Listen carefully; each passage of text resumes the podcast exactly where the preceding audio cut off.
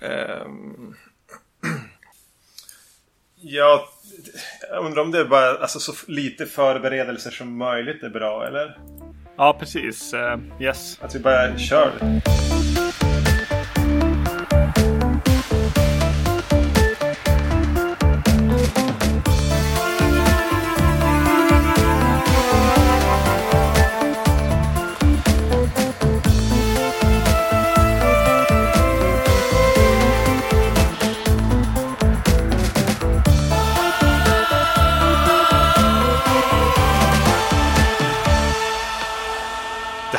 Skräckfilmspodcasten Vacancy avsnitt 147. Med mig Erik Nyström. Och med mig Magnus Johansson. Vi ska idag prata om Alien Covenant och vi har då gjort oss besväret att bjuda med Emil från eh, Titta de snackar. Ja, hej grabbar. Mm.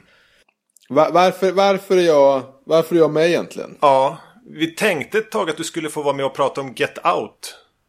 Eh, men då hade du inte sett den. Nej, jag såg den någon dag efter ni, eh, ni spelade in där. Så då kan vi se Alien Covenant.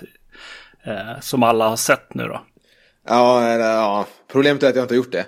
Men jag skulle göra det, det var ju tanken. det här är ju, det, det, det, alltså nu, jag sänker ju eran, eran podcast nu såklart, mm. eftersom jag inte har sett filmen. Men jag, jag tänkte ju gå och se den och hade planerat då för att vara med här. Jag kan läsa upp här, för jag fick nämligen ett sms av min bror. Som, hade, som såg den igår på premiären, som ni då också kanske gjorde. Jodå. Mm. Jag tänkte se den idag då. Men eh, då fick jag det här från honom. Eh, I versaler då. Nya alien, ny, nya alien. Katastrof. Fem utropstecken. Tre stycken så här tummen ner emojis. Och så följer han upp med. Som mamma sa, en riktig kalkonrulle. Två utropstecken. Bland det sämsta jag sett på bio. Kanske någonsin. Ledsen smiley. Och, då, och det följdes upp av att jag frågade eh, en kollega på jobbet. Och han sa, äh, vi var tre, tre, jag och två kompisar var och såg den igår. Och alla var superbesvikna. Och alla vi gav den ett av fem. Så kände jag, det är inte ens värt det för Vacancy att gå och se den här filmen. Men jag kan ju ha fel, och alla kan ha fel. Men ja, så var det. Men du är beredd att få den spoilad av oss nu i alla fall? Jag har absolut inga problem med att få den spoilad. Jag tror säkert att mycket av det som kan spoilas redan har spoilats i trailers, för det är inte så ovanligt heller. Vad tyckte du om Prometheus? Mm. Jag tyckte den var urbotad dum. Ja. Alltså, lite som Ridley Scotts... De, flesta så här, hans senare filmer är så här, ja det känns väldigt onödigt och rätt dåligt, men ja, det är också så här hantverksmässigt rätt snyggt. Mm. Det är väl så, liksom, det är väl hans grej efter, um, efter egentligen Gladiator, att det var lite så. Så jag tyckte den var väldigt dum eftersom det egentligen, det, det kändes som att du vet, eh, någon manusfattare från en fredag den 13 film hade fått skriva en Alien-film. Det var ju Damon Lindelof från eh, Lost som hade varit med och skrivit den. Ja, det visar att det inte är så stor skillnad då. För det är det här, den där sexscenen som var mitt i filmen där, där uh, Idris Elba och Charlie Theron går iväg och har sex istället för att titta på, uh, de ska övervaka monitorerna, men lämnar. Mm. Så att du vet, man kan, man, man kan skriva in, alltså och så är det även där i slutet när de springer och någon pelare faller. Och de fortsätter springa rakt fram. För att typ springa ifrån pelaren istället för att bara vika åt sidan. Ja. My mycket sånt där skumt i den filmen. Jag minns, eh, jag och Magnus pratade om den i avsnitt 8 här på Vacancy. Men det jag minns av den var att jag var fruktansvärt besviken. Men att den eh, någonstans växt, väckte en sån lust att jag ville hela tiden prata om den och förklara varför den var så dålig. Eller prata om saker jag inte förstod. Så någonstans mm. väckte den ett, ett, eh, diskussionslusta ändå. Men samtidigt så är det så här, jag tror skillnaden, finns en skillnad mellan när Prometheus skulle komma och när Alien Covenant skulle komma. Och det är så att, mm. att, att, höra lite hur ni tycker där, för att Prometheus var ju ändå, Ridley Scott återvänder till Alien-serien.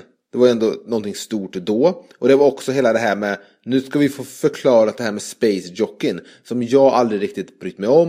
Men jag kan förstå att kanske 70-talister som kanske växte upp och tittade på Alien lite mer än vad jag gjorde liksom på 80-talet och sånt och växte upp med Alien på ett annat sätt kanske.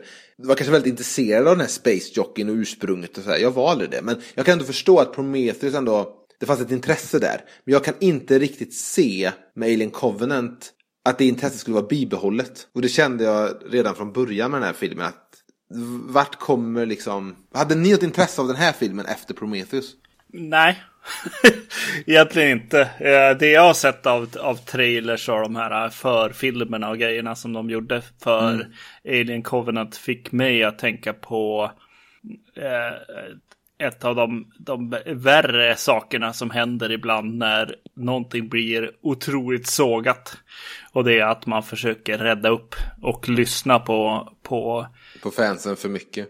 Ja, och jag blev väldigt rädd att, att hela den här filmen skulle bara vara en, alltså typ skrivet av Reddit.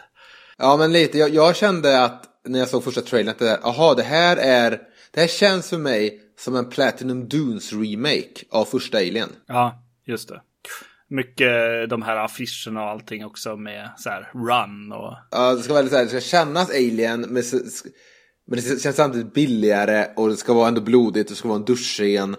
Och det ska vara datorgjorda alien-monster som flänger har sig utanför rymdskeppet och ja. Jag försökte hålla fast vid något eh, mantra där att Prometheus hade bra trailers. Medioker film. Här var det bedrövliga trailers. Kanske skulle det kunna dölja sig en bättre film bakom dem. Jag vet att det är korkat, alltså det hör jag ju när jag säger det. Men samtidigt är det tråkigt att starta den här podden med att ni bekräftar min bild som inte ens såg filmen att, att det skulle vara skräp då. Ja, men eh, ska vi börja där? Vad, vad tyckte du om den här Magnus? Alltså jag satt... Eh, Det känns som det, det är en film som man redan från början är väldigt skeptisk till. Eh, Både för så här, eller man har väl, väldigt mycket muren och skölden uppe, uppe på något sätt. Eh, vilket gjorde att jag såg den, jag, jag kom aldrig in i, i filmen utan jag såg den med, med skölden uppe och med analysögonen på liksom. Eh, vilket till slut gjorde att jag ha, har lite svårt att, att säga helt fullt ut bu eller bä om filmen. Och så, och så till saken hör också att jag, jag satt mig bredvid en sån här en sån här riktig sån här sökare av logiska luckor i, i biosalongen. Eh, som så här sa bara, alltså typ, ja men vadå, vadå Red Bull ger dig vingar? Det ger ju inte alls dig vingar. Typ i reklamen innan liksom. Så ja. eh, jag, Höll han, jag höll han samma liksom, monolog genom hela filmen? Nej, han var ganska, eh, ganska lugn ändå, eh, måste jag säga. Men vad, vad, är detta, vad är detta en person du känner eller råkar du bara hamna bredvid en främling som var väldigt pratglad? Ja, jag hamnade bredvid en. Eh, d- eh, bara. Var det en äldre typ herre som var så tunnhårig och kom direkt från så här äh, LSS-boendet? Nej, nej, nej, det var det inte. Det var några år yngre än, än oss gäng. Vad kan det vara? Tio år yngre, I guess. Ja, nej. Eh, så det, ja, jag vet inte. Eh, det störde lite grann också. Så att jag, jag kan egentligen inte, alltså jag behöver hjälp. det är det jag menar med vad jag tycker. Du kan inte ha någon filmen. övergripande åsikt utan du måste in och, och bena i det här. Ja, precis. Eh, lite så. Men är det inte också så här konstigt? För jag minns när, eh, jag vet inte om jag avbryter nu men skit i det. När Hannibal skulle komma. Ridley, ja, Ridley Scott också ju. Ridley Scott Hannibal skulle komma. Då var det en jäkla pepp på att återse eh, Hannibal Lecter. Och den fick väldigt mycket uppmärksamhet. Men sen minns jag när, ehm, eh, vad hette filmen efter Red... Red Dragon. Red Dragon, när Red Dragon kom sen så känns det, känns det mer när jag tänker tillbaka som att jag typ ramlade in i biosalongen bara. Du vet, hamnade framför en poster och inte ens visste om att filmen skulle komma förrän den var, den var på biografen i Trollhättan. Så det, var, eh, det känns som att nästan, var det inte lite samma här? Att med Prometheus fanns det ju en, en jäkla pepp och, och en uppmärksamhet. Men för den här filmen fanns det väl såklart en lagom uppmärksamhet för Fox har ju ändå pumpat ut trailers och posters och allt det här. Men det är väl ändå betydligt mer dämpat nu. Ja, det upplever då jag det också. Även om jag... Ä- Och ändå så är de ju på rymdskeppet igen och det folk kanske ville lite ha från första, eh, ja Prometheus. Eh, precis, uh, till Prometheus så hade jag ju, alltså peppnivån var ju så här, ja, ah, nu händer det, nu vänder Hollywood och, och eh, eh, det är en ny Easy Rider kommer här och, och spränger hela liksom, industrin och nu, nu kommer det bli helt annorlunda i framöver. Eh, det var typ peppnivån som jag hade på Prometheus. Har du lärt dig dämpa dina förväntningar nu? ja, ja, det var ju en jävla äh, slag i ansiktet den filmen. Jo, men jag, jag, upplever lite samma sak. Att det här... Den fick inte den eh, fart på hela den typen av spektakel som, som Fox kanske hoppades. Det är lite samma också kanske med AVP och AVP 2. Ja. Men, men det, det, här är, också, är väl också en mindre film, lite självvald såklart kanske. Ja, nu är du inne på, på någonting som ändå händer här i den här filmen. Att man kan börja tänka på Alien vs Predator. Mm. Mm. Eh, nu börjar det bli intressant. jag, känner, alltså, jag, jag är ändå så, jag har så låga förväntningar på den här filmen att jag har absolut inga problem med spoilers. Alltså jag kan bli översköljd med spoilers nu, jag bryr mig inte riktigt. Eh, men en till fråga jag har faktiskt är att jag tror att varför min pepp var väldigt låg på den här filmen. Det var inte bara att, inte bara att det, det såg ut väldigt mycket som en Platinum Dunes MTV remake. Utan också att Neil Blomkamp höll ju på med sin Alien-uppföljare och, och släppte lite concept art. Där Sigourney Weaver skulle vara tillbaka, Michael Bean skulle vara tillbaka. Och det tyckte jag kändes som ett roligare projekt. För att jag tycker att Alien-serien har inte en så superintressant lore. Eller en lore som jag, som jag håller av. Så att, att det kommer in någon och, och liksom lite vill så här, och ta tillbaka Michael Bean och sånt var jag helt okej okay med. Jag tyckte det var kul. Men så kom ju Ridley Scott och kände typ nej nu tar någon mitt, uh, min spotlight här. Mm. Och trycker undan honom och är det så här nej först ska vi göra min Alien-film. Och sen blev det till att jag ska göra 15 nya Alien-filmer och du får inte göra din film. Så det ja. tror jag också lite påverkade mig. Att det känns som att Ridley Scott kom in, du vet, som, som Jay Leno gjorde när Conan O'Brien fick The Tonight Show. Att ja, han sen det, ja. puttade bort Conan och bara tog tillbaka showen, typ. Lite så. Mm. Så det finns någonting där med att gamla gubben Ridley Scott inte kunde låta riktigt eh, någon annan få eh, strålkastarljuset. Men för det jag tyckte eh, Prometheus gjorde, den var att den försökte väcka ett intresse för en, för en lore och en mystik mm. och att det skulle finnas gåtor. Alltså det är där jag tänker Damon Men Lindelof hade, hade, med. Du det, hade du det intresset då med tanke på att Alien-monstret är ju ändå bara egentligen Michael Myers i rymden. Ja, nej men det, precis. Eh, det var ju nytt med Prometheus som jag upplever det. Jag har ingen jättetajt relation till, till eh, Alien-filmerna. Men att det var det de försökte skapa med, med Prometheus. Att man skulle kunna tolka saker eller att det skulle släppa små ledtrådar i den här filmen som de skulle bygga vidare på, på till nästa.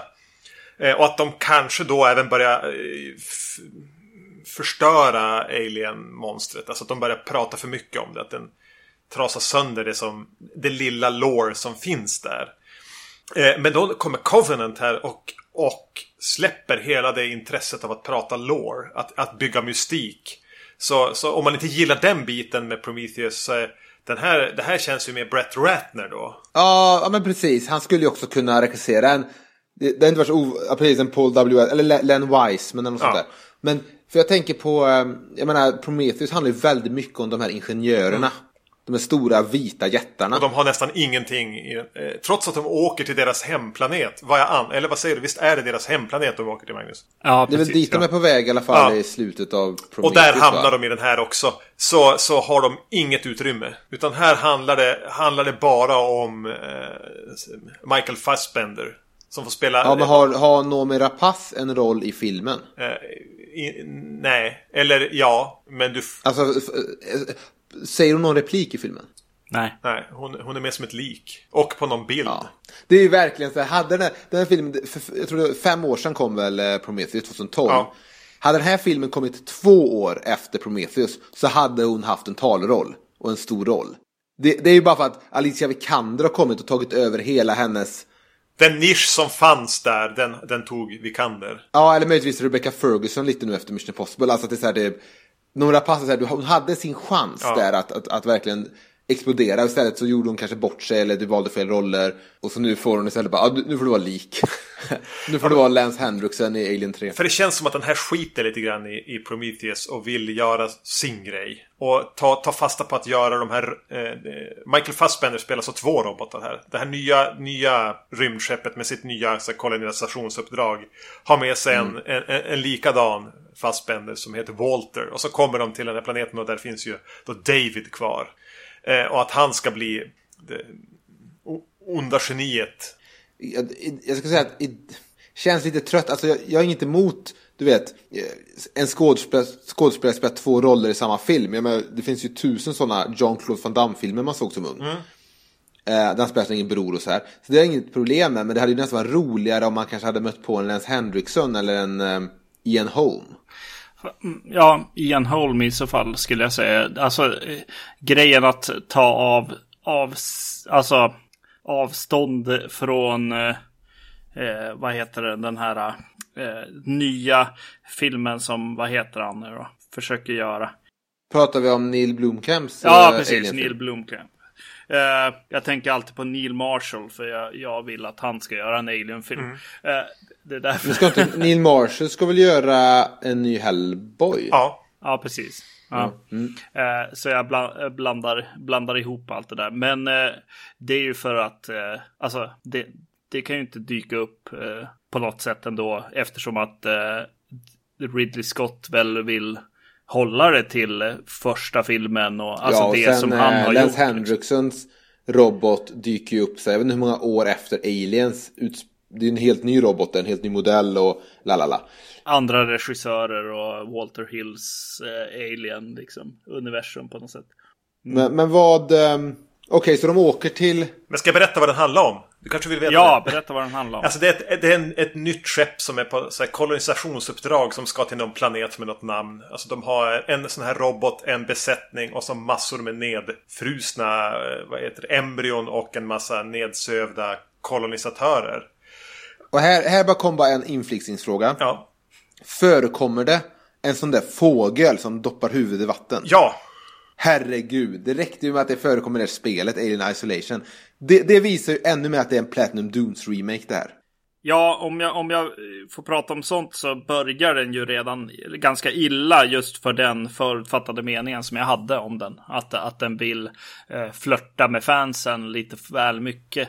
Och det är ju att förtexterna har de här eh, liksom snedställda, eh, inte formade lite ASCII-kod lika linjerna liksom. Mm. Eh, innan Alien Covenant kommer upp liksom som en text liksom.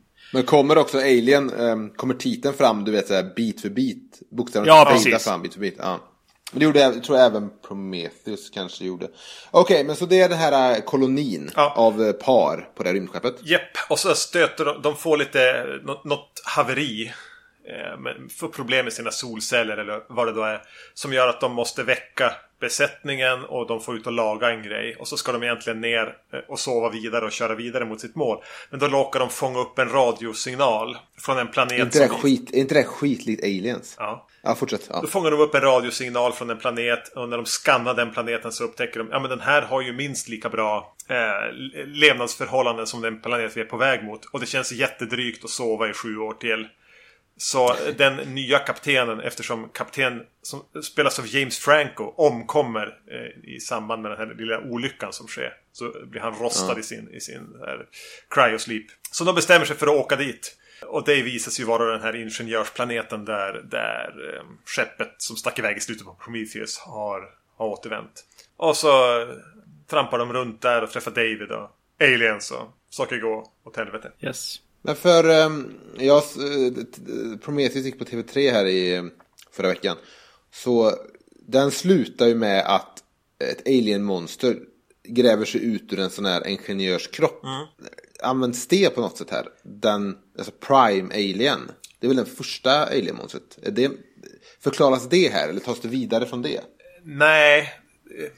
Ja, eller? Ja, ja bara, bara lite. Det är ju lite så här sporer och grejer och det kommer någon variant på, på den eh, alienen som mm. de slåss med i början. Liksom. Det går ruskigt snabbt att vi får eh, aliens.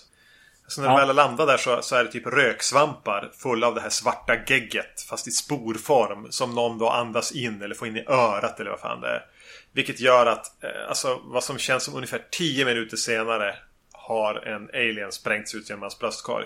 Och bara växer direkt. Växer på till. tio minuter senare är den, är den stor som en, en schimpans åtminstone. Ja. Och den här ser den ut som en klassisk alien från ja, första Den är typ vit va? Den är vit och har, har den här spetsen som man har i... i ja, spetsen i, bak, på bakhuvudet. Ja, precis. Istället för den penisformade saker. Mm. Ja. Ja, precis. Och så slåss de mot några sådana. Eh, och så dyker David upp då. Alltså han var ju bara ett huvud i, i eh, slutet av... Men det har de, det har de fixat. ja. Och det har gått tio år. Det har gått tio år mellan filmerna också ska man väl säga. Och han tar dem till ett, till ett slags tempel som verkar ha tillhört de här ingenjörerna.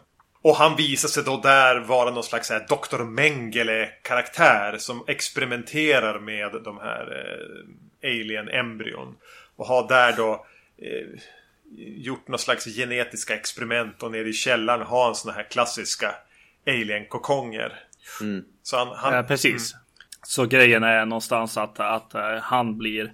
Eh, de har en scen i början av eh, filmen där, där han och eh, Wayland eh, pratar om, om skapandet och att, eh, att han Vänta nu, men Wayland, är det Guy Pearce? Ja! Äntligen fick vi paybacken på att de hade sminkat upp Guy Pearce i så här gammelsmink i Prometheus och släppa runt han där. Så förjävligt ut. Men här är det Guy Pearce som han ser ut nu. Ja, Men precis. eh, hur alltså vänta nu, för i, i AVP så spelar ju Lance Henriksen Wayland. Mm. Är det då rättkonat? Eller har de någon sorts relation till varandra? Guy Pearce och Lance Henriksen? Eller är det samma karaktär? Eller är det, är någon släkt på något sätt? Nej, det måste ju vara samma karaktär, I guess, om det här sitter ihop Ja. överhuvudtaget. Så någonstans mellan att han såg ut som Guy Pearce som här kanske är 45 och att han blir den här mumie Guy Pearce då har han sett ut som Lance Henriksen. Det, det är sånt här, så är, alltså just när man... Jag tycker på något sätt att det- här Wayland Utoni, eller vad det heter, det företaget då som förekommer i Alien-filmerna. Det är en sån sak som funkade väldigt bra, som ett så ansiktslöst, bara multinationellt, eh, ont så superföretag. Man, jag behöver inte se vem som grundade det. Jag behöver inte se en viral film med hans TED-talk som jag tror han släppte in- inför Prometheus. eh, Nej. Och sånt. Men hur som helst, han, eh, han förekommer i alla fall. Alltså han är med i en sån här, vad vad heter det, före förtexterna sekvens. Då han och David går runt i något så här, eh, ser ut som ungefär där de hamnar i 2001. Det är väldigt stiliserat, det finns en flygel och eh, en, en vacker vy över en sjö.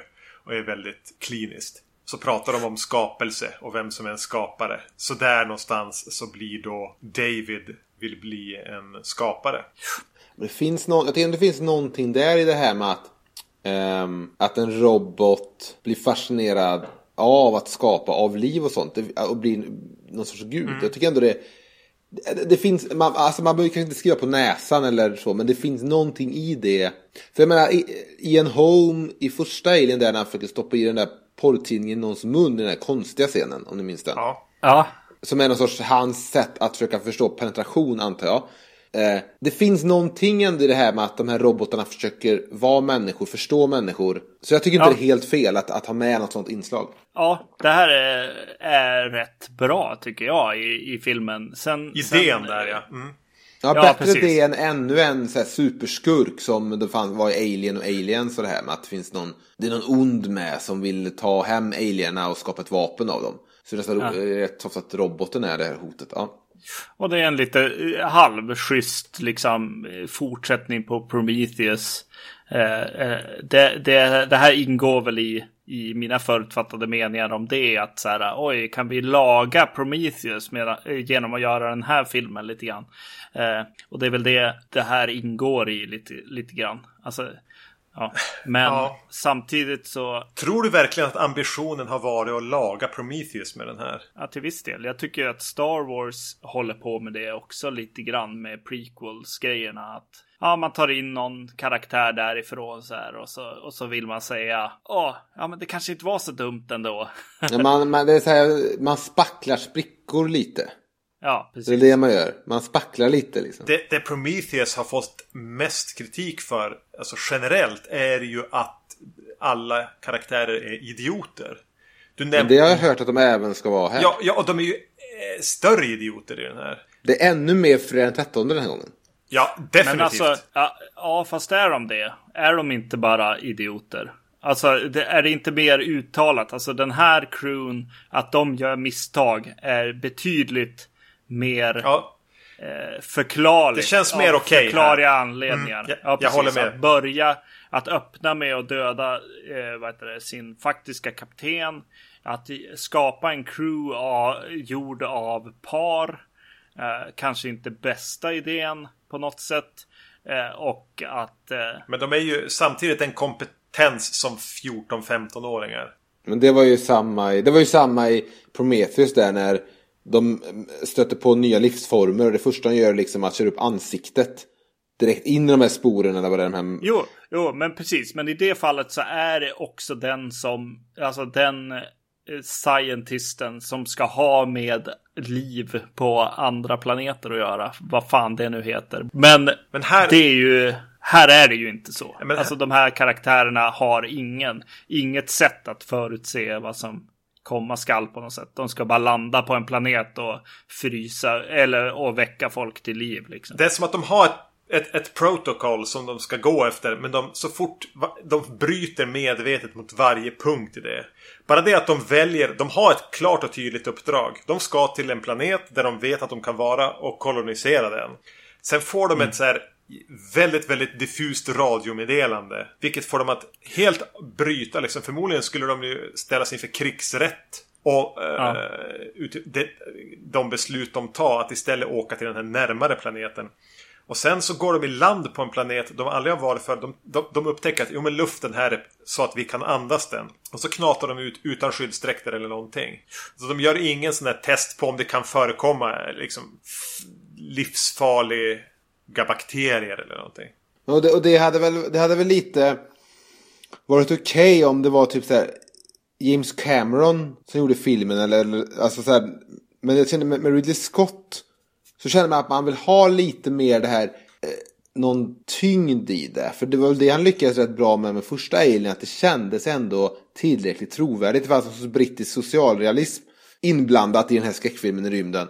Som, det var det som överraskade mig som med Prometheus. För det var så här, men Ridley Scott, inte han killen som sitter och läser här, NASA-dokument för att förstå hur det fungerar, allting.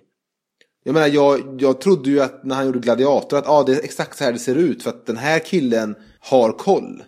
Ja, men, och, Men sen har man förstått att det är, är det, det är bara, jag vet inte vilka som har koll. Det är David Fincher och någon till som verkligen vet vad de håller på med. Men, eh, så jag blir så överraskad av att han tillåter dumma karaktärer. Han tillåter de här genvägarna i manus och i, i narrativet, du vet.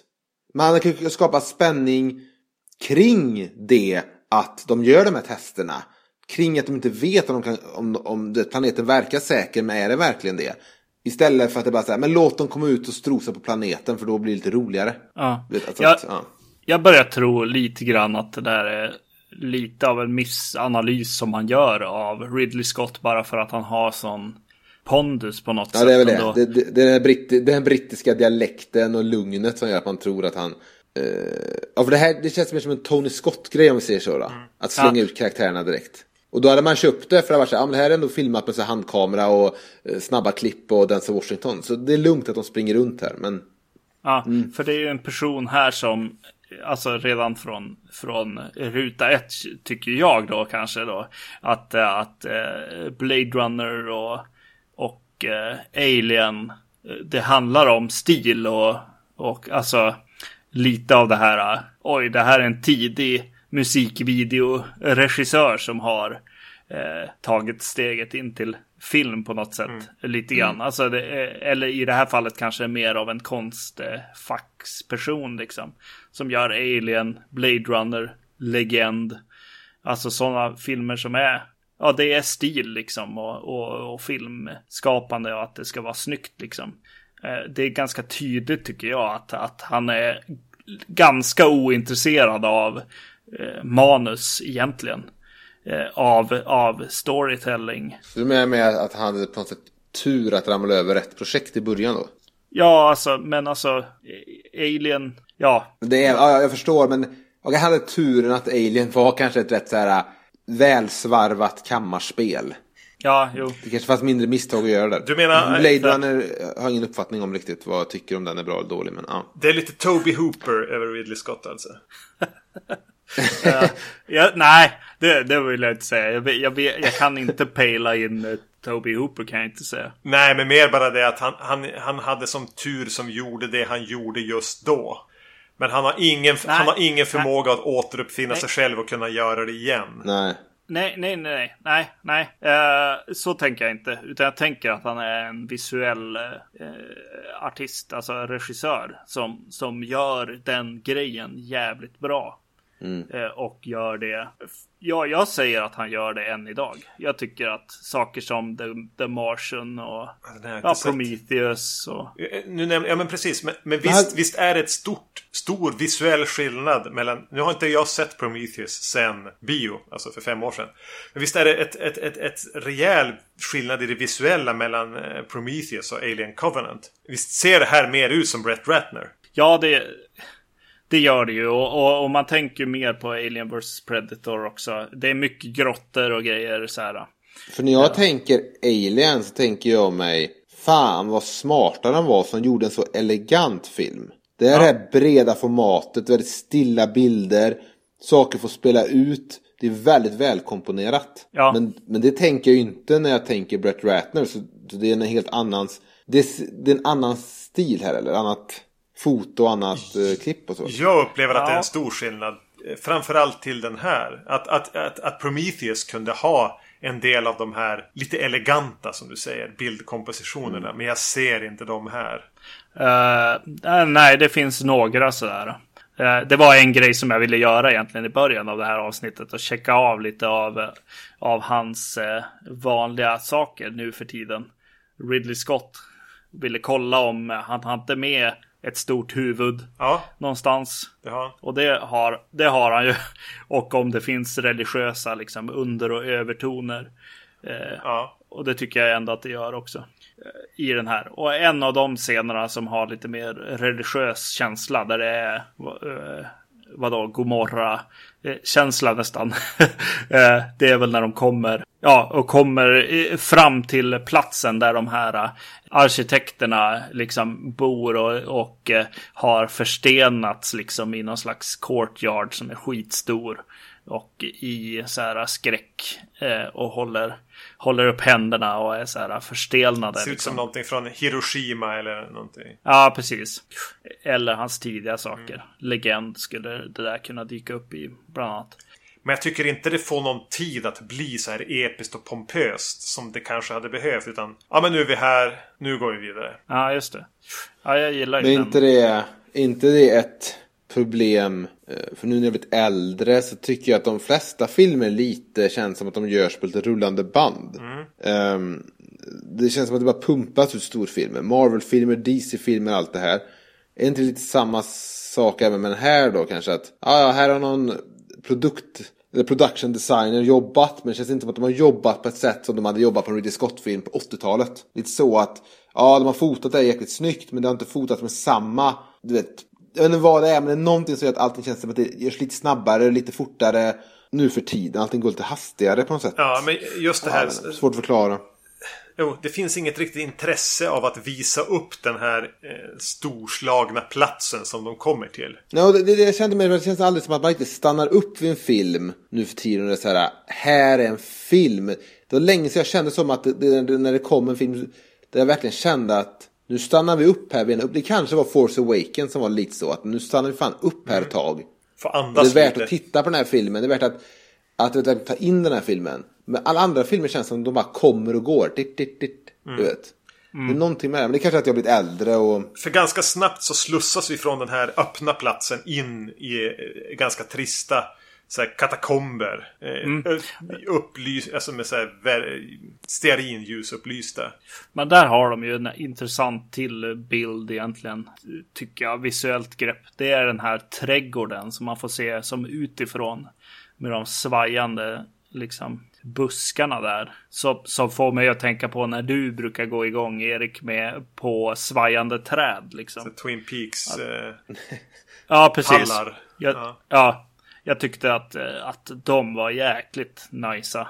Ja. Eh. Jag, jag kommer inte ens ihåg dem. Ja, ah, okej. Mm. ja, eh, eh, och eh, en till grej då, om man ska försöka vara lite positiv.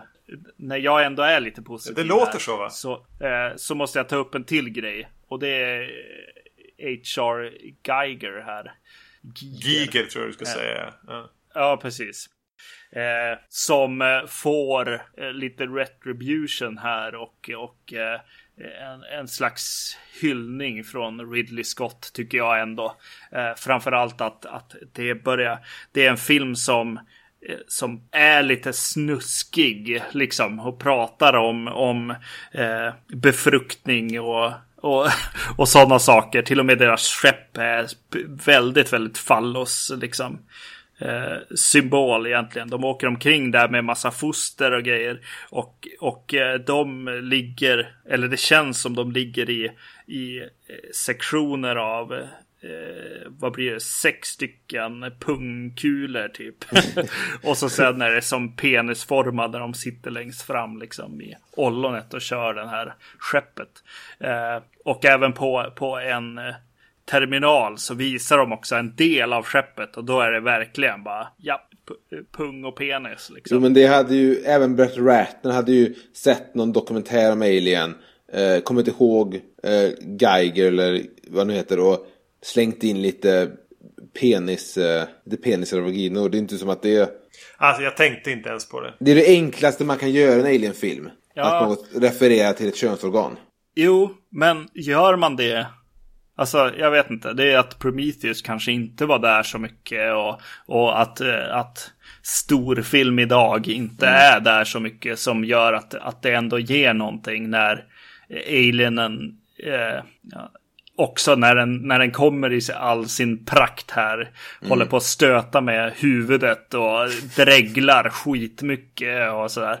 Eh, att det blir verkligen de här fallos eh, och, och lite sånt. Eh, det är någon som bläddrar också i, Davids eh, eh, notes där han har illustrerat saker som går in i, munnen på kvinnor. Och, det, här är, det här är ju också lite då kopplat ihop med Ian Holmes knepiga beteende i, i Alien. Ja, precis. Men det, där finns ju ändå någonting med den här filmserien, just det sexuella och det var, det, det var nog tack, lite en slump där att de, att de fick tag i han eh, Giger. Ja. Att det blev allt det här, eh, ja det här sexuella och snuskiga.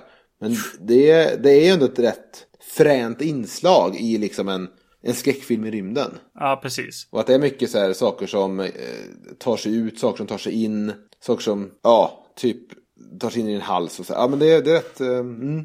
Ja, precis. Så de, det är bra att de håller kvar vid det. Klart. Och då, ja visst, eh, duschscenen är väl den mest så här ut... Jag tänkte faktiskt fråga om den. För, den. Eh, för det var ju den jag tror många såg i trailern och kände, ah, ja, okej, okay. Eh, det här är ingenting man, man behöver bry sig om 100%.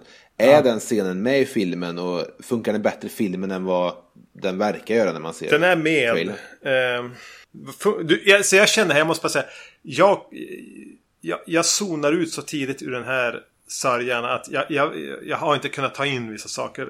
Fungerar den Magnus? Du får svara på det. Jag vet inte. Jag tyckte ingenting fungerade.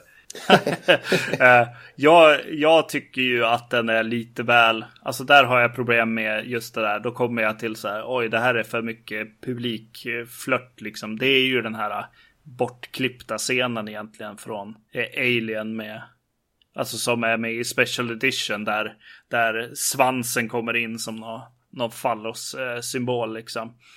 Eh, mellan benen på, på kvinnan här. Och eh, ja, fast just, ja, ja, ja, nej. För att jag, jag tycker att det är skönt med att Giger-inslagen kommer och att hon, hon reagerar på att svansen är där.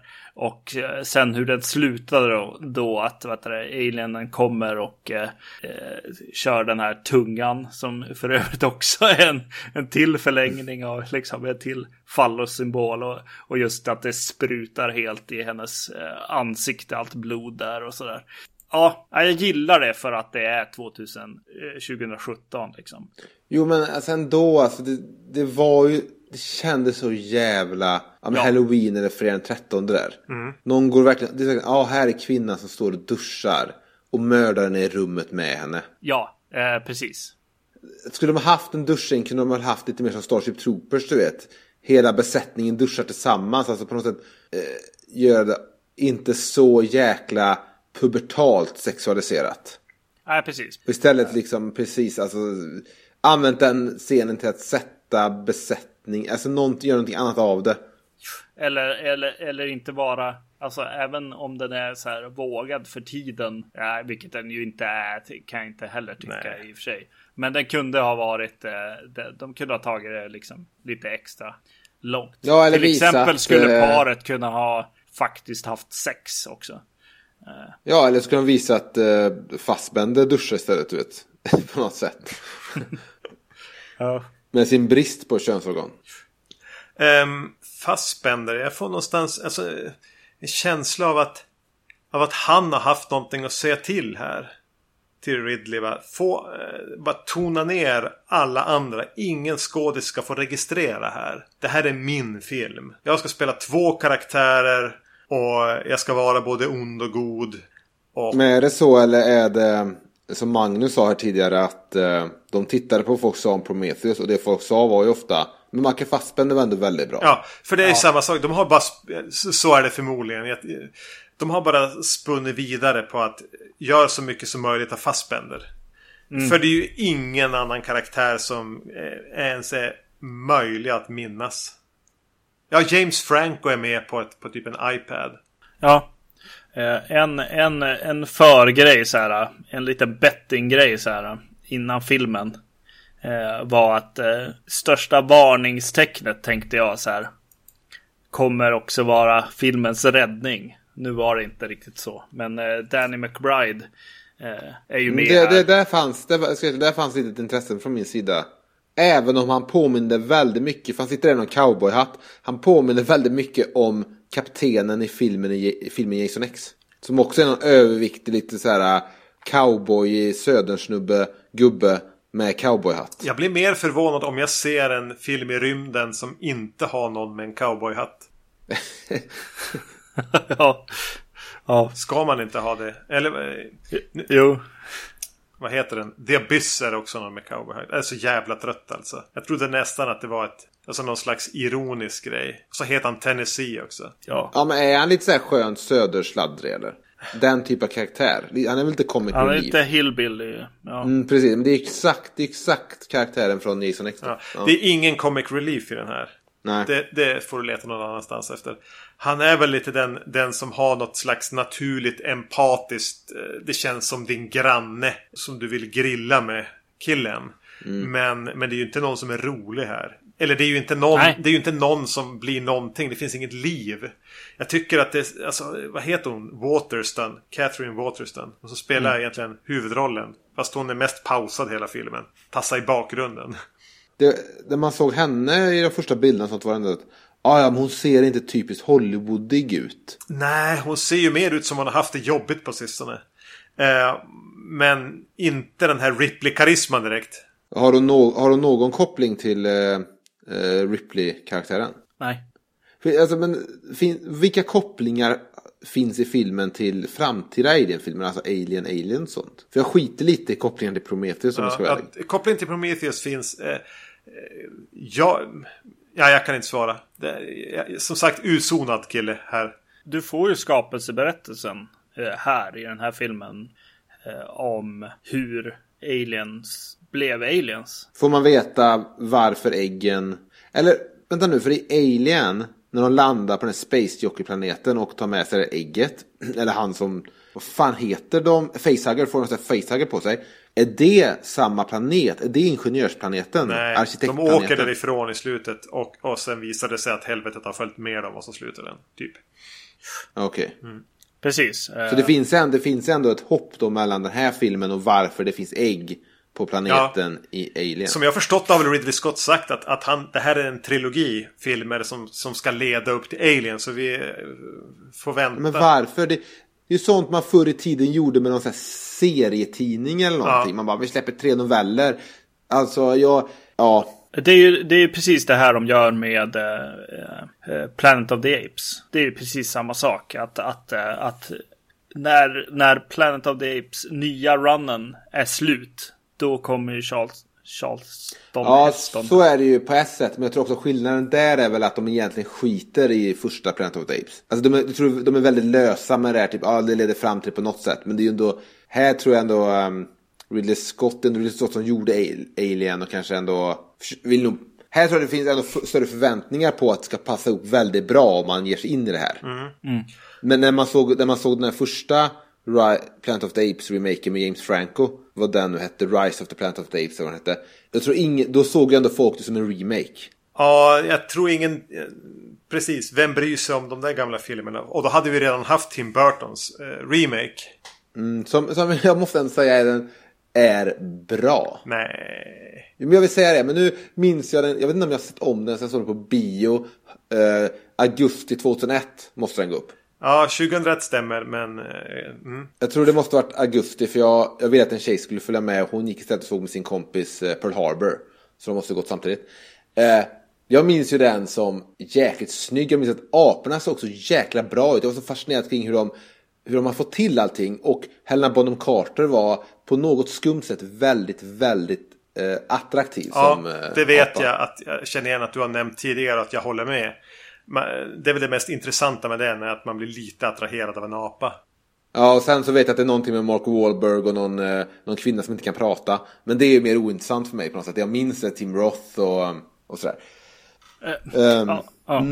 Eh, när vi sitter och pratar här så, så inser jag att... eh, Fan, för- jag ska inte avbryta, men fan, Aliens versus Planet of the Apes hade ändå varit en rätt cool film. Ja, vi får vänta. ja, precis. kommer. Vänta och se.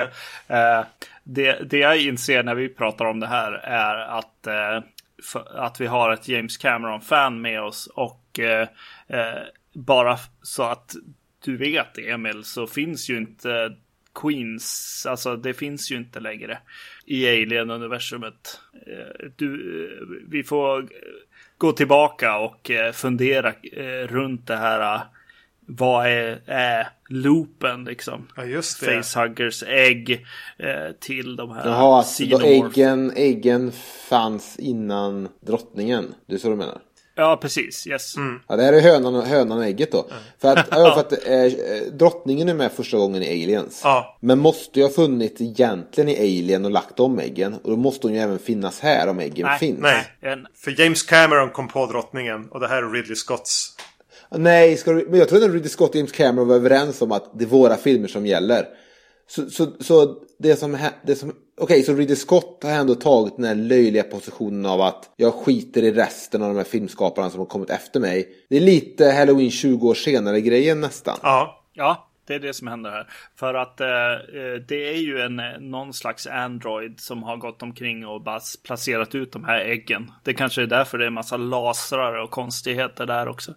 Eh, att det finns någon slags tekniskt eh, del Jaha. av någon slags så nu- hybrid mellan ett virus och typ sporer eller någonting. Och lite, lite olika typ kräldjur. Ja, men det här får vi väl ändå hålla med om att vi inte riktigt tycker om att han... För jag tycker ju att man...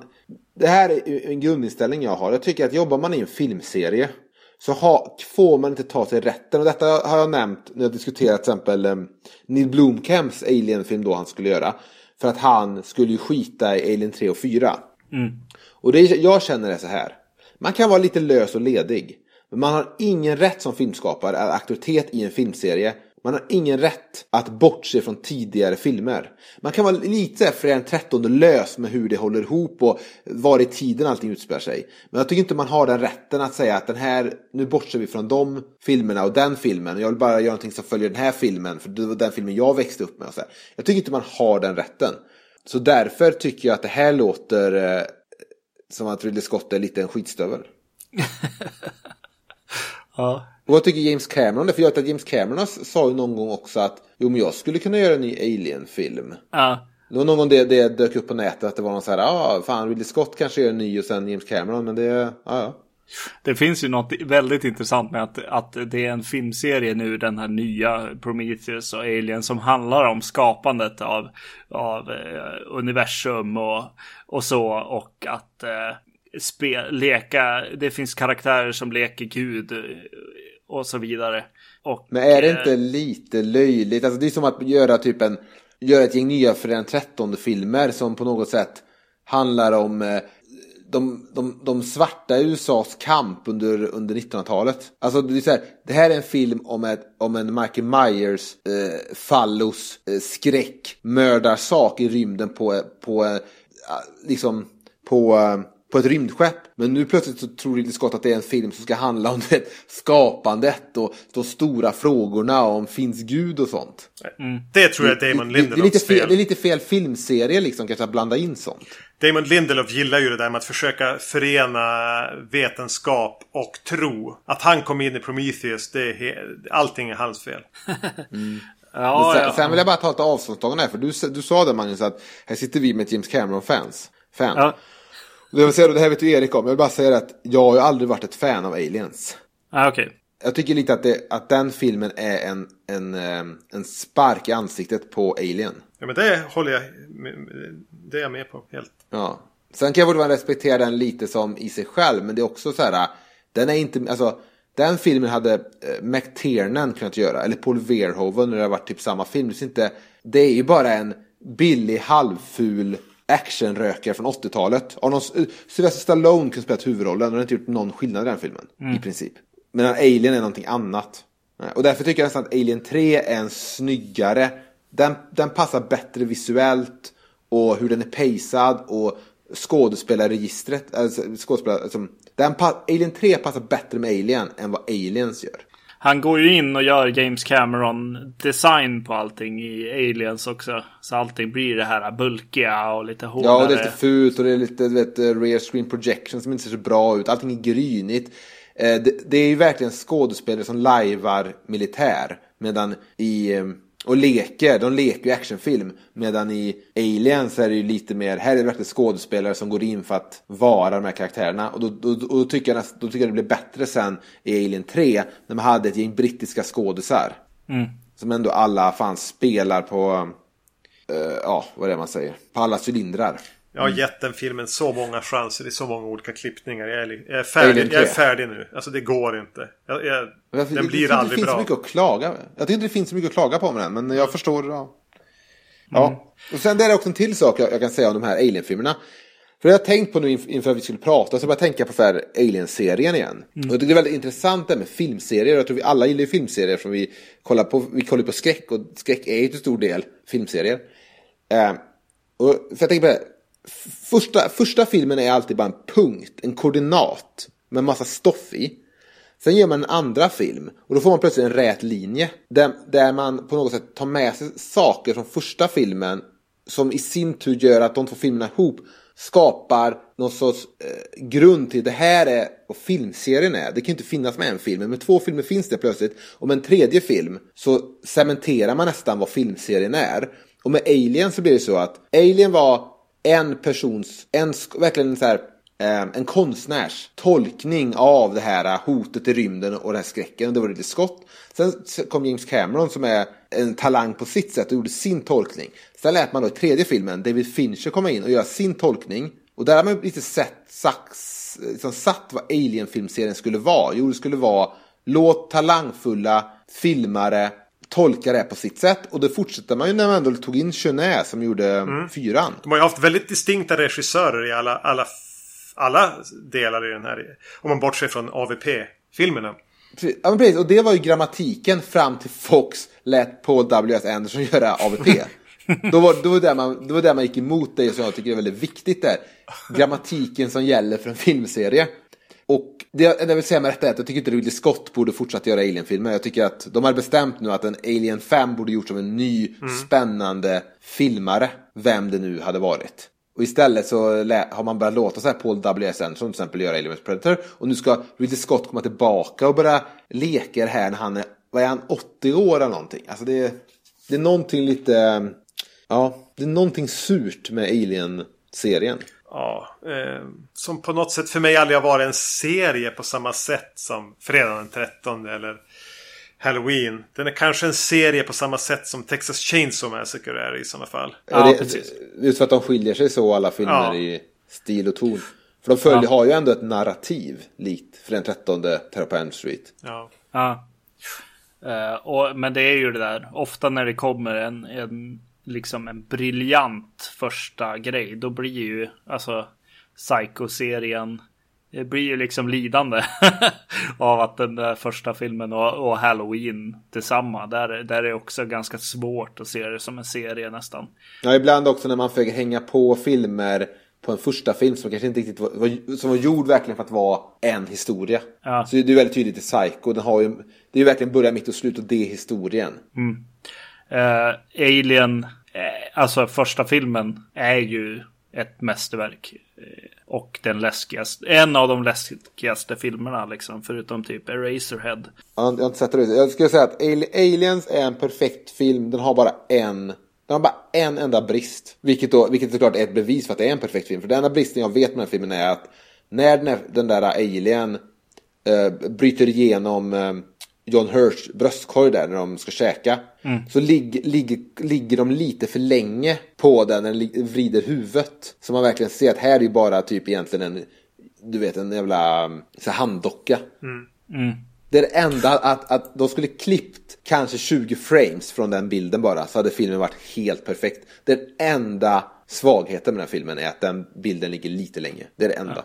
Och därför är den perfekt. Ja, det är den snyggaste Blu-rayen jag äger också. Det är så jävla snyggt att gå, att gå omkring i de här korridorerna också. Åka omkring där långsamt i början. Eh, Men ja, och det är väl kanske det som saknas lite grann. Alltså andas. Låt filmer andas liksom lite grann. Och det är konstigt att en 80-årig gubbe plötsligt ska göra Brett Ja, Ratner-filmer. man undrar ju hur mycket kontroll han har haft s- Sitter jag och tänker på nu. Eller är han bara glad att han får jobba fortfarande? Jag tror det är den här Jay Leno-grejen. För att jag läste något citat nu precis. Om den här Neil Blomkamps film. Där Ridley Scott har sagt. Han har fått frågan om vad som hände med den. Och så sa han till och med. "Nej, Jag skulle producera den. Och skulle den blivit gjord så är det okej. men nu dök det här upp. Och det är ju dumt att ha två filmer som på något sätt konkurrerar med varandra. Och det känns så likt när Jay Leno på något sätt bara tog sig tillbaka till The Tonight Show. Det, det är någonting med. Eh, jag vet inte om det är det sista, du vet så här. Gamla gubbar som inte längre är relevanta eller önskade. Men måste, ja, men eller hur? Det, handlar, det är väl också därför han tar sig tillbaka till att göra Blade Runner-filmer igen. Och göra Alien-filmer igen. Det, det är ju någonting lite sådär äh, livskrisigt i det. de är som så pösiga de här gubbarna att de kan bara inte låta bli och, och, och, och göra saker bara för att de bara väller in där som Jabba the Hutt på något vis. Ja, och alla ska hålla på och återvända till de här gamla och mala så här, men ja. Men det är ju, ja igen, lite så här. Det är lite kul att den kommenterar på än en gång kreation och gu, guds, eh, liksom, vad heter det? Eh, Att eh, leka gud helt enkelt. Och, och sånt där. Det är lite, lite det. Det här är min värld. Det är jag som har skapat det här. Det är, ja, Här är mina leksaker, ge fan i dem. Och precis. det är väl också, är det inte det också ett sätt kanske att om man är någon sorts brittisk veta sig påare så är det ett sätt att kanske ge hela grejen ett existensberättigande när det egentligen bara är en simpel Brett Ratner-skräckis. Att ja, men släng in en scen när de pratar om någonting viktigt så kan jag försvara filmen när jag sitter och blir intervjuad om den. På något sätt kanske. Ja. Ja, Jag, har ju, jag har ju lite svårt liksom, eh, fortfarande med den här filmen att, att, att eh, verkligen hata den. Det, jag, jag kom aldrig in i filmen. Det tror jag inte Det går. var inget. Nej, precis. Det går nog inte. Men ofta så tycker jag ändå att han har eh, lite koll på design och, och sådana saker. Jag, jag gillar ju hans look mer än, än James Camerons hårda liksom grej. Jag gillar att han kan sätta på dem en töntig keps liksom. Och eh, ja, och gillar den här stilen som man har i The Martian till exempel. Den här rymddräkten ser ju fantastiskt ut i den och så. Men hade kanske inte den, jag, jag var inget jättefan av The Martian, men hade inte den kanske känslan och looken och passat bättre egentligen för en Alien-uppföljare? Jo, jo. När det ändå känns, för den är ju lite ändå halvvägs med att kännas rätt realistisk. Men också ta sig lite friheter. Så att eh, ja, jag blir lite, jag, jag gillar lite setdesign och, och kläder och ja, foto och sådana grejer. Sen blir jag lite irriterad när det kommer stora huvuden. För det blir så tydligt när det också är med i, eh, vad heter Exodus och eh, Men det var en till sak, den där Exodus of Gods and Kings som den heter. Har ni sett den Ja. alltså? Ja, jag har, faktiskt, jag har faktiskt sett den. Ja, jag förstår inte vad man... Alltså, nu, jag ska se en film ikväll. Jag ser Exodus. Alltså, hur fan? Va? Alltså, va? Ja men den, den, låg, den låg hemma. Mamma hade hyrt fem film på hemmakväll. Det var någonting jag kunde sätta på mitt i natten. Jag var lite nyfiken på det här efter den här eh, whitewashing, eh, alla skriverier om det och sådär. Men det är också en sån film där, fan, så många manstimmar man lagt ner på det här. Så mycket pengar, så mycket tid folk har suttit och ritat kostymer, ritat allting. För en film som bara, som jag sa förut, hastat bara kommer och går. Mm. Mm. Du vet, Gladiator är en film som alltid kommer minnas. Av någon anledning stannar man upp vid den och kände att ja, det här är en film som är värd att betrakta lite. Ett lite mer episkt anslag. Ja, det är väl den sista lyckade svärd och sandaler-filmen som gjorts. Men nu men som Exodus, eller även den Robin Hood som kom, det var inget fel på den. Men också typ, varför, all energi, tid och pengar man lagt ner på detta. Och så är det ändå filmer som bara hastas förbi och försvinner bort Ja, i någon sorts... BBC-produktion. Ja, lite så här rullande band som det har blivit nu bio på något sätt. Det är inte många filmer som riktigt uh, fastnar. Jag, jag, jag tror att det hör till eh, vad jag tror om, om Ridley Scott och det är att han inte bryr sig om story och, och karaktärer och händelser egentligen. Utan han, han bryr sig mer om kostymen och, och liksom den här dräkten, rymddräkten han har i The Martian. Liksom. Det är viktigare än problemet han har liksom, egentligen. Så, så samma kritik som man ger till en, en musikvideoregissör så att säga. Som det, det kan man ge honom också. Men han är ganska bra mm. som den här konstfack liksom. Regissören liksom. 80-årig konstfacksnubbe. Nej, alltså jag, jag, tyckte att Alien Covenant var en kalkon. Jag håller med din bror Emil. Jag, jag ville gå. Alltså flera gånger ville jag gå. Men det är ju, alltså för mig så var det, när det dök upp sådana saker så har det med story och grejer och hur förutsägbar eh, den är. Hur de bara alltså, pissar på allting som har med Alien-monstret att göra. Och då har de inte lärt sig någonting från Prometheus där allting också var Nej, men det är som Prometheus, alltså, den får ju Prometheus att framstå som, som eh, någonting jag vill, helt plötsligt vill se igen. Ja. Sam, samtidigt, okej, okay, någon sorts försvar. Jag tror, också, jag tror dock att det är svårt att be sig in i Alien-universumet säga att vi ska göra en ny film. Jag tror det, det, det var, okay, det var kanske var lagom enkelt för James Cameron som ändå kunde säga ja, ja, vi ger dem fler aliens. Det är ändå rätt bra, lyckat sätt att göra en uppföljare. Um, men jag tror att det är väldigt svårt idag att säga vad ska vi göra med Alien-universumet. Det finns inte så mycket mer man kanske kan berätta för allting handlar ändå om vad som döljer sig i skuggorna på ett rymdskepp.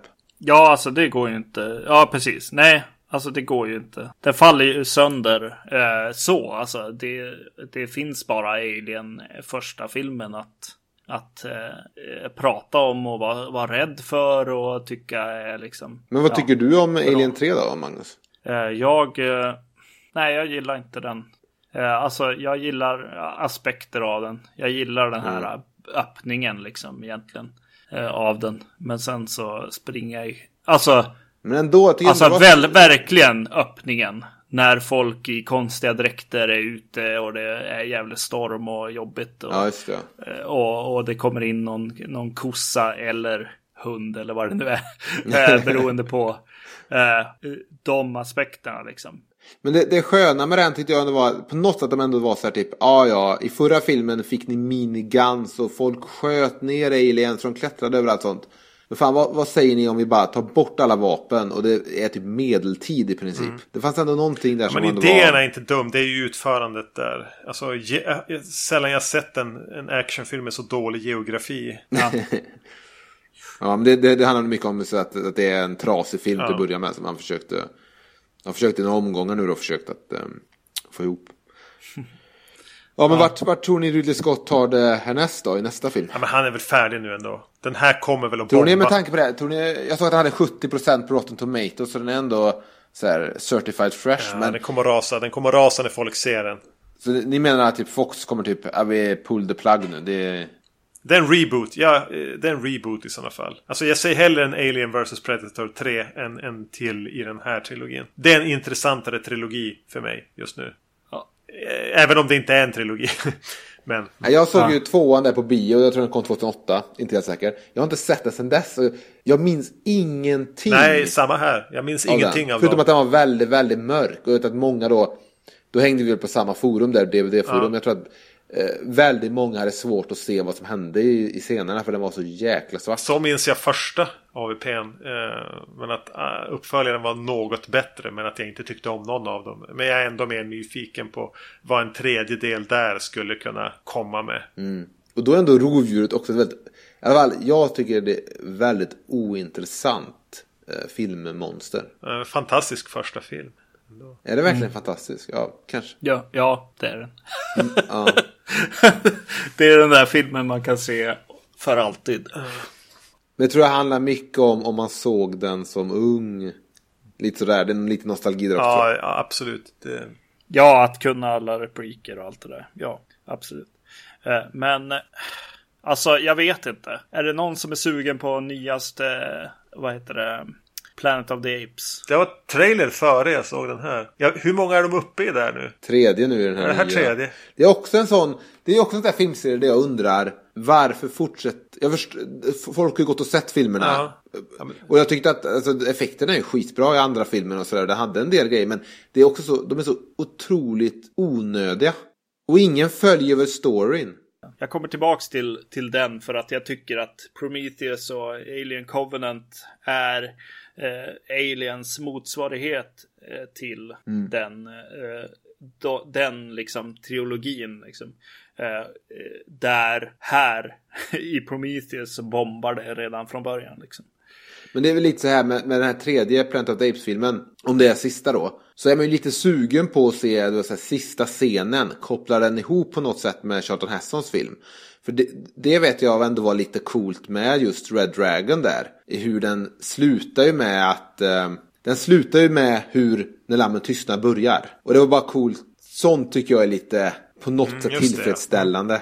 Du vet, även om Anthony Hopkins var mycket tjockare och äldre i Red Dragon än vad var i Lammen tystnar då. Med tanke på eh, skillnaden liksom eh, när de gjordes. Så är det ändå någonting där i slutet tror jag när man får se, de nämner Clarice namn och hon är på väg ner för att träffa honom där i den här cellen. Ja, men det är någonting. Så det kan bli kul att se liksom om man på något sätt kopplar ihop den väldigt eh, snyggt med eh, eh då med eh, Charlton Hestons film. På samma sätt som även Rogue One. Där fanns, det var ändå jag var intressant också, intresserad av, men Rogue One var ju så här. Ja, ja, hur är sista scenen? Hur kopplar de ihop det här med första Star Wars-filmen? Jag har bara sett första Planet of the Apes. Jag kommer nog inte att komma vidare där. Alltså eh, av den här nya, av den här nya trilogin. Med original, originalserien då, har ni sett alla de här Conquest? Ja, ja. Jag har till och med skrivit en, en eh, uppsats på universitetsnivå om, om dem. Det är en väldigt marxistisk syn på eh, samhället. Ja. Jag möttes av tystnad från er där. Nej, jag, jag tänker bara på att jag blir kallad, på Facebook blir jag kallad, fan vad du verkar som en sosse. Aj, aj, aj. I en diskussion. Ja, men jag känner så här. Jag känner också, man måste vara väldigt pubertal för att använda sosse som någon sorts, eh, du vet, eh, för att göra någon poäng. Du vet, ja. ja. Eh, yes. Vi kanske ska försöka knyta ihop den här säcken nu. Hade du någonting kvar att säga Magnus? Nej. Eh, Känns som det hängde ett men där. Svalde det. Ja, jag tänkte på den här serien och så började jag tänka på att det känns hela tiden som att eh, både Prometheus var så här ja, de landar på planeten, det är planeten. Och så bara, nej, det är inte planeten från, eh, från Ja. eh, Alien. Och så sen bara, Alien Covenant känner jag är så här bara, okej, men det är ett skepp som åker omkring med kolonister liksom. Det finns ju kolonist, eh, liksom, kolonier i, i till exempel Aliens. Handlar väl ganska skarpt om det liksom. Ja. Så det finns ju eh, outs för de här filmerna att bara stanna och så säga ja, men precis. Det var så här alienen dök upp där eller så. Ja, nej, alltså det, jag, jag behöver inget mer av det här och det behövde jag inte efter Prometheus heller egentligen. Eh, och det här är ju inte en film som var intressant att gå och se egentligen. Eh, redan från början. Jag var inte så här peppad. Utan Nej. jag bara, jag går väl och ser den där filmen liksom. Och den, den eh, gav mig det också. Ja, du, den här kan du väl se. Och det är det som på något sätt kanske blir så tråkigt för första Alien-filmen jag såg på bio var fyran. Och säga, alltså säga vad man vill om den i efterhand men när den kom var det ändå ett event. Ja, Och den hade snygga trailers och den har snyggast aliens i hela filmserien och så här. Men nu görs det bara som att nu bara rullas det på så här, ut med alien-filmer och det, det, väl, det känns som att det har dödat serien lite på något sätt att allt det här, ja. Jag undrar om ens de mest så här, de här riktigt jävla insatta fansen som läste AVP-serietidningarna och, och allt det här och verkligen brytt sig om det, om ens de idag bryr sig om det som, som kommer officiellt om aliens. Eller om de är... De kör med rollspelsvägen där tror jag. Ja, kanske mer. Ja, men jag, jag håller nästan att de vänder sig till fanfiction istället. För att, ja.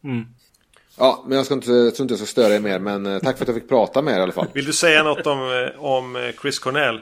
Ja, men, nej, men det, det finns två artister som faktiskt, för idag gick ju Chris Cornell bort då, Ja. när vi spelade in det här. Och det, jag har inte blivit så berörd när artister och så går bort. Man har ju varit rädd för hela sitt liv för att, ja, fan Al Pacino och Jack Nicholson, de kommer gå bort, du vet, och hur kommer det kännas och sådär. Men så i höstas gick ju Leonard Cohen bort och det var första gången det kändes på ett sätt som överraskade mig. Jag verkligen kände såhär, fan jag är ju påverkad av det här, ett, som jag inte var när David Bowie gick bort eller när så här.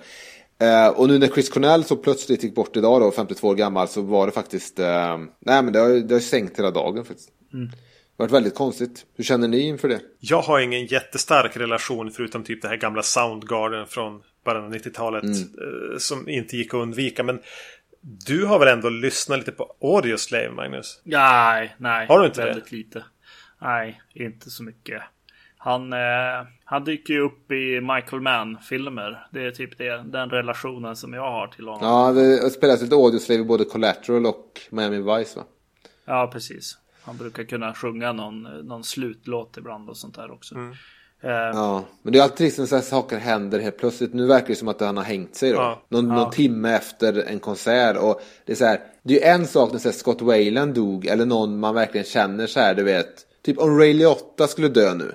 Så skulle jag känna så här, "Ah, ja men han satt väl och drogade säkert. Eller du vet, alltså, så här, han var nere i det. Precis. Men nu, det här kom så här, ja, han har tre barn, en fru, han, är, han verkar jävligt sund, trevlig. Det blev så plötsligt, vet, och det är ju nästan värre då när, när det är lite mer väntat. Ja, nej, det... ja, precis. Det är som det slog hela världen egentligen med Ro- Robin Williams också. Ja, men lite samma där, att det också kom lite från ingenstans kände man. trevlig snubbe som häng eller inte vill leva längre. Det... Nej, precis. Ja, och man får ju hoppas dock att det är för att lätta upp lite. Man får hoppas att det inte är som eh, med han David Carradine. Ja, just De det. Alltså halvolycka. Ja, men som också hittades så hängd genom att han hade suttit och, eh, alltså, av, av sexuella gigerskäl. Ja. Ja, Dratt en snarare runt halsen. ja. Vi får hoppas att det inte var så i det här fallet. Eller om det var så spelar ingen roll. Låt Chris Cornell göra vad han vill. Ja, ja. Det är synd hur som helst att han inte lever. Tråkigt för hans barn. Ja. Men du Emil, eh, när får vi höra något mer från Titta de snackar då? Ja, det verkar som att det blir inspelning nästa vecka kanske av ett nytt avsnitt. Så vi ska upp med avsnitt igen och det ska bli trevligt. Och ni får gärna gästa oss rätt snart. Vi hade ju ett avsnitt på gång i höstas som, jag vet inte ens varför, men det blir inte av. så så jag, jag, vi försöker styra upp så att vi kan spela in mer då, det avsnittet som vi skulle gjort då. Det var i oktober Det någon gång. kul. Mm. Mm, vi brukar försöka få ihop ett avsnitt kring Halloween, men det, ja, nå, nå, någonting hände så det blir inte av. Så, äh, ehm, men jo, men vi ska försöka få upp något nytt avsnitt. Eh, Tittarna snackar då, podden jag har ihop med Gustav Torssell. Och så äh, hoppas vi att vi kan göra någonting. Vi tänkte få tillbaka dig om inte allt för länge för att prata om Pet Sematary 1 och 2 också. Mm, jag är gärna med och pratar om det. Jag, jag, jag, ska- jag ska inte spoila någonting om det, eller det, så här, men jag kan bara säga att jag är ett stort fan av tvåan i den filmserien. Så det ska bli väldigt intressant att höra vad ni som ändå är skräckfilmskännare, er uppfattning om ettan versus tvåan och, och sådär. De har grumlats ihop väldigt mycket för mig. Det ska bli spännande att Ja, återvända till den. och vi- vilken av filmerna hade den bästa Ramones-låten och sådär. Ja. ja. Vill du säga något kort om var man hittar er? Oss? Ja, Ja, titta och snacka.se, där kan ni hitta oss och lyssna på eh, våran podd som handlar om film. Jag tror att vi har väl lite samma lyssnare, tror jag. Eller kanske inte har. Ja, någon mån. Ja, titta och snacka i alla fall. En podcast om film som jag driver ihop med en kille som heter Gustav. Vi brukar släppa avsnitt, ibland inte. Eh, vi finns på tittarochsnacka.se. Ja. Vart finns Vacancy? Vacancy.se eh, och iTunes och sådana där ställen. Man kan prata med oss på Facebook. Mm. På tal om filmpoddar så tänkte jag att jag skulle slå ett slag för en grupp som jag skapade där på eh, Facebook som heter just Filmpoddar. Eh, som man kan gå in i och eh, kolla efter nya tips på poddar. Och eh, det är ganska många filmpoddar som, som lägger upp sina, sina nya avsnitt där. Så antingen om du har en filmpodd eller om du lyssnar på filmpoddar så kan ni gå in i den eh, gruppen Just det. och bli medlem. Japp. Ja, vi Det säger det. så. Vi... Tack så mycket. Ja, tack. Hej. Hej! Hej.